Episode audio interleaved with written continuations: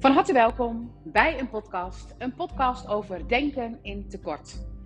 Een podcast die ik natuurlijk niet inspreek omdat het op dit moment niet op een pad komt. Oftewel, op dit moment um, kom ik in een aantal situaties het denken in tekort tegen. En natuurlijk herken ik dat zelf ook, het denken in tekort. Alleen, ik zie hoe wij in de maatschappij, en dat zegt alles over mij dat ik het zie. Dus het zegt ook iets over dat iets in mij raakt en dat ik het leuk vind om daar eens voor mezelf naar te kijken. Maar dat wij in de maatschappij nogal geneigd zijn om te denken in tekorten. En hoe we eigenlijk daardoor allemaal formats hebben gemaakt om het tekort te omzeilen. Nou, een voorbeeld. Ik zit op dit moment in het bestuur van een bepaalde vereniging.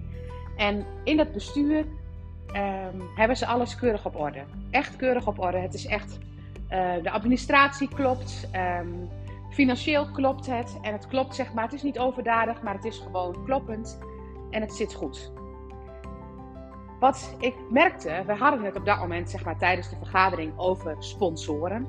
En ik ben zelf eigenaar geweest van een grote praktijk voor fysiotherapie. We werden natuurlijk regelmatig gevraagd als sponsor. En als we dan gevraagd werden als sponsor, dan deden we dat um, omdat we ook sociaal wilden zijn voor het dorp. En daarnaast, zeg maar, wilde je ook eigenlijk wel een soort van naamsbekendheid. En natuurlijk helpt de sponsor daar ook bij. Nou, waren de momenten dat wij kozen voor sponsoring, waren het vaak momenten dat je er helemaal niet zoveel voor terugkreeg. Dat er misschien een keer een foto werd geplaatst, als dan bijvoorbeeld de shirtjes van de voetbalvereniging nieuw waren. Maar dat je het verder nooit weer ergens tegenkwam. Oftewel, het was een promotie. We stelden, we, we, we, stelden eigenlijk uh, shirtjes ter beschikking. Of misschien ergens een, uh, een fles, een waterfles. Of we hebben bepaalde dingen ter beschikking gesteld. Maar kregen wij het, die waarde die we daarin stopten terug. Nou, zijn we daar nooit in tekort gekomen. Dus ik bedoel niet te zeggen dat we hier in tekort kwamen. Maar in de, bij de vereniging waar ik nu in het bestuur zit, was het grappig, want we waren bezig met de sponsoren. En we waren aan het kijken of ze allemaal hun ding hadden betaald en of het allemaal klopte. En uh, nou, die was sponsor, die was sponsor. En uiteindelijk zeg maar, was het soms bijna vaag wie nog sponsor was. Want we konden het ook niet zo makkelijk ergens meer terugpakken. Want ja, je zag het nauwelijks op de shirtjes, je ziet het nauwelijks op de borden. Het komt niet terug. En wat we dus eigenlijk zijn gaan doen is een sponsor hoort erbij, die zet dan geld in voor een vereniging. Maar als die sponsor jou wil sponsoren, dan wil die daar ook graag weer iets voor terug. Het is altijd een balans van geven en nemen. En wij zijn bijna gewoon geraakt aan het feit dat we bepaalde dingen sponsoren. Um, bijvoorbeeld dus een vereniging, omdat je graag wil dat zo'n vereniging blijft lopen. Of misschien ook wel uh, een oude bijdrage, zodat je de school kunt sponsoren om bepaalde activiteiten extra te gaan doen. Zo zijn er allemaal plekken waar wij geld geven en waar we dat doen vanuit, ja, dat hoort zo. En ook doen vanuit een goed gevoel. En ook doen om dingen mogelijk te maken. Maar eigenlijk wordt er niet bij nagedacht hoe we dat sponsorstukje meer waarde kunnen geven. Dus als je dan kijkt naar zo'n vereniging, dan is het briljant natuurlijk om te kijken. Als iemand ons wil sponsoren, waarom zou hij dat willen doen? Nou, die zouden het willen doen om bijvoorbeeld naamsbekendheid te krijgen. Want dat is vaak wat een bedrijf leuk vindt om te hebben. Naamsbekendheid, ergens bij horen, ergens aan gekoppeld worden. Zodat andere mensen een gevoel krijgen van, hé, hey, dat hoort daarbij. En die naam komt weer voorbij. Of die zie je ergens op een foto bij een team. En het moment dat je dat doet, dan heeft, wordt die sponsor elke keer, als hij een plaatje ziet met zijn naam erop, wordt hij geraakt van, hé, hey, dat zijn mijn dat is mijn sponsor, dat zijn mijn shirtjes, dat is mijn team. Dat is mijn sponsorbedrag. En steeds meer zal hij de waarde in gaan zien van het sponsorbedrag als hij dat steeds voorbij ziet komen. Dus als je een vereniging bent, dan is het belangrijk om te zien dat je sponsors nodig bent om bepaalde extra dingen te kunnen doen. Want het bedrag is echt fijn om te hebben en ook shirtjes heb je nodig, want anders kun je niet spelen. En hoe fijn is het als dat um, als dat, uh, hoe noem je dat? Als dat vergoed gaat worden. Maar wanneer je dat doet vanuit een tekort, wij hebben shirtjes nodig, anders lopen we bloot in het veld. Zou u misschien alsjeblieft onze shirtjes willen sponsoren? dan laat je ze sponsoren voor een tekort. Want jij hebt anders geen kleding. En als je het andersom doet, als je laat zien wat je ervoor terugkrijgt, nou, dan kun je op een gegeven moment, als je dan heel ideaal pakt, dan zou je wel eens 20 sponsors kunnen krijgen. En dan zou je ze allemaal moeten gaan bedienen. Want het moment dat jij ze waarde teruggeeft, dan geef jij ze iets terug voor de sponsoring. En dan denk je in overvloed. Dan denk je in 1 plus 1 is 3. Oftewel, als ik verlang als vereniging dat wij shirtjes krijgen. Echt hele mooie. Shirtjes met een mooie logo erop. En um, nou, het liefst in die kleur. En um, nou, ik zou daar wel uh, een sponsor willen, want dan hoeven we het zelf niet te betalen.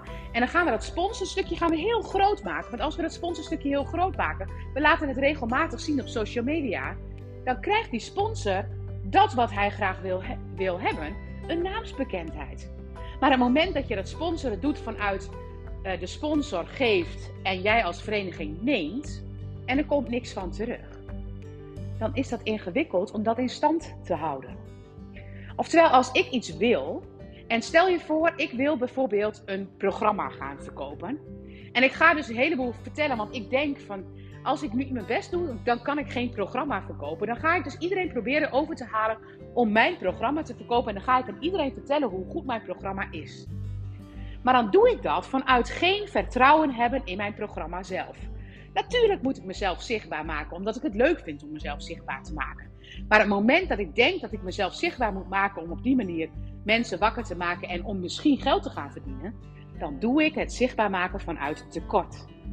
De intentie is bepalend voor dat wat eruit gaat komen. Dus als je kijkt naar situaties, zoals bijvoorbeeld de ouderbijdrage op school. Vandaag kregen wij een bericht met echt een, nou bijna een nood, noodmelding dat bepaalde uitjes minder, ehm, minder groot zullen moeten gaan worden, omdat er gewoon te weinig ouderbijdrage binnengehaald wordt en dat er ook te weinig, te weinig omzet is gemaakt door middel van de activiteitencommissie om dit soort activiteiten te kunnen sponsoren. Een bericht vanuit tekort. En stel je voor, ik zou denken, nou dan moet ik de school maar eens even 500 euro overmaken. Dat ga ik niet doen hoor. Maar dan doe ik het alsnog vanuit tekort, want die school heeft tekort. Maar het moment dat je gaat benoemen van, goh, wij zouden het echt heel tof vinden om met de hele klas, ik zeg maar iets, een uitje te gaan hebben naar het Dolfinarium in Harderwijk. Nou hebben we op dit moment die financiële middelen nog niet. Maar wij zouden dat heel graag willen. Hoe zouden jullie als ouders daar tegenover staan om daar iets voor te organiseren? Want oh, dan hebben we met z'n allen een doel om ergens naartoe te werken. Dat is niet denken vanuit een tekort, dat is denken vanuit overvloed. Dat is denken vanuit wij hebben een verlangen en we willen iets. Maar het moment dat je gaat benoemen dat er tekorten zijn, dan doe je het vanuit een slachtofferpositie. En dan hoop je dat je iets krijgt, of dat ouders misschien denken van de verantwoording nemen. En deze energie zit in ongelooflijk veel organisaties. Het denken vanuit een tekort. Het moment dat ik bijvoorbeeld een subsidie aanvraag, dan is een subsidie een prachtig middel. Maar dan gaan we er bij voorbaat al van uit dat we dus niet de financiële middelen kunnen krijgen en dat wij gesteund moeten worden, omdat er een steun is vanuit de overheid. En dan kun je naar die steun kijken vanuit verschillende eh, perspectieven. Want stel je voor, die steun is er bijvoorbeeld op het taalonderwijs. Dan is die steun er omdat in de basis wij vinden dat het taalonderwijs niet goed genoeg is. Dus daar wil de overheid steun aan geven. Een prachtig initiatief. Alleen als dat is omdat het niet goed genoeg is, dan is dat geen fijne energie. En het moment dat we het willen verbeteren, want we hebben een verlangen dat kinderen allemaal beter kunnen leren als, of lezen als ze op school zijn, dan is dat vanuit een andere energie. Zo ben ik een keer op de basisschool geweest en volgens mij heb ik daar ook al een keer een eerdere podcast over opgenomen. En mijn dochter zat nog in de kleuterklas. Ehm, het was het voorleesmoment, zeg maar. En ehm, wij mochten een uur lang op school zijn en dan mochten we boekjes voorlezen aan ons kind. En uh, na afloop gingen de kinderen weer naar de klas, de kleutertjes.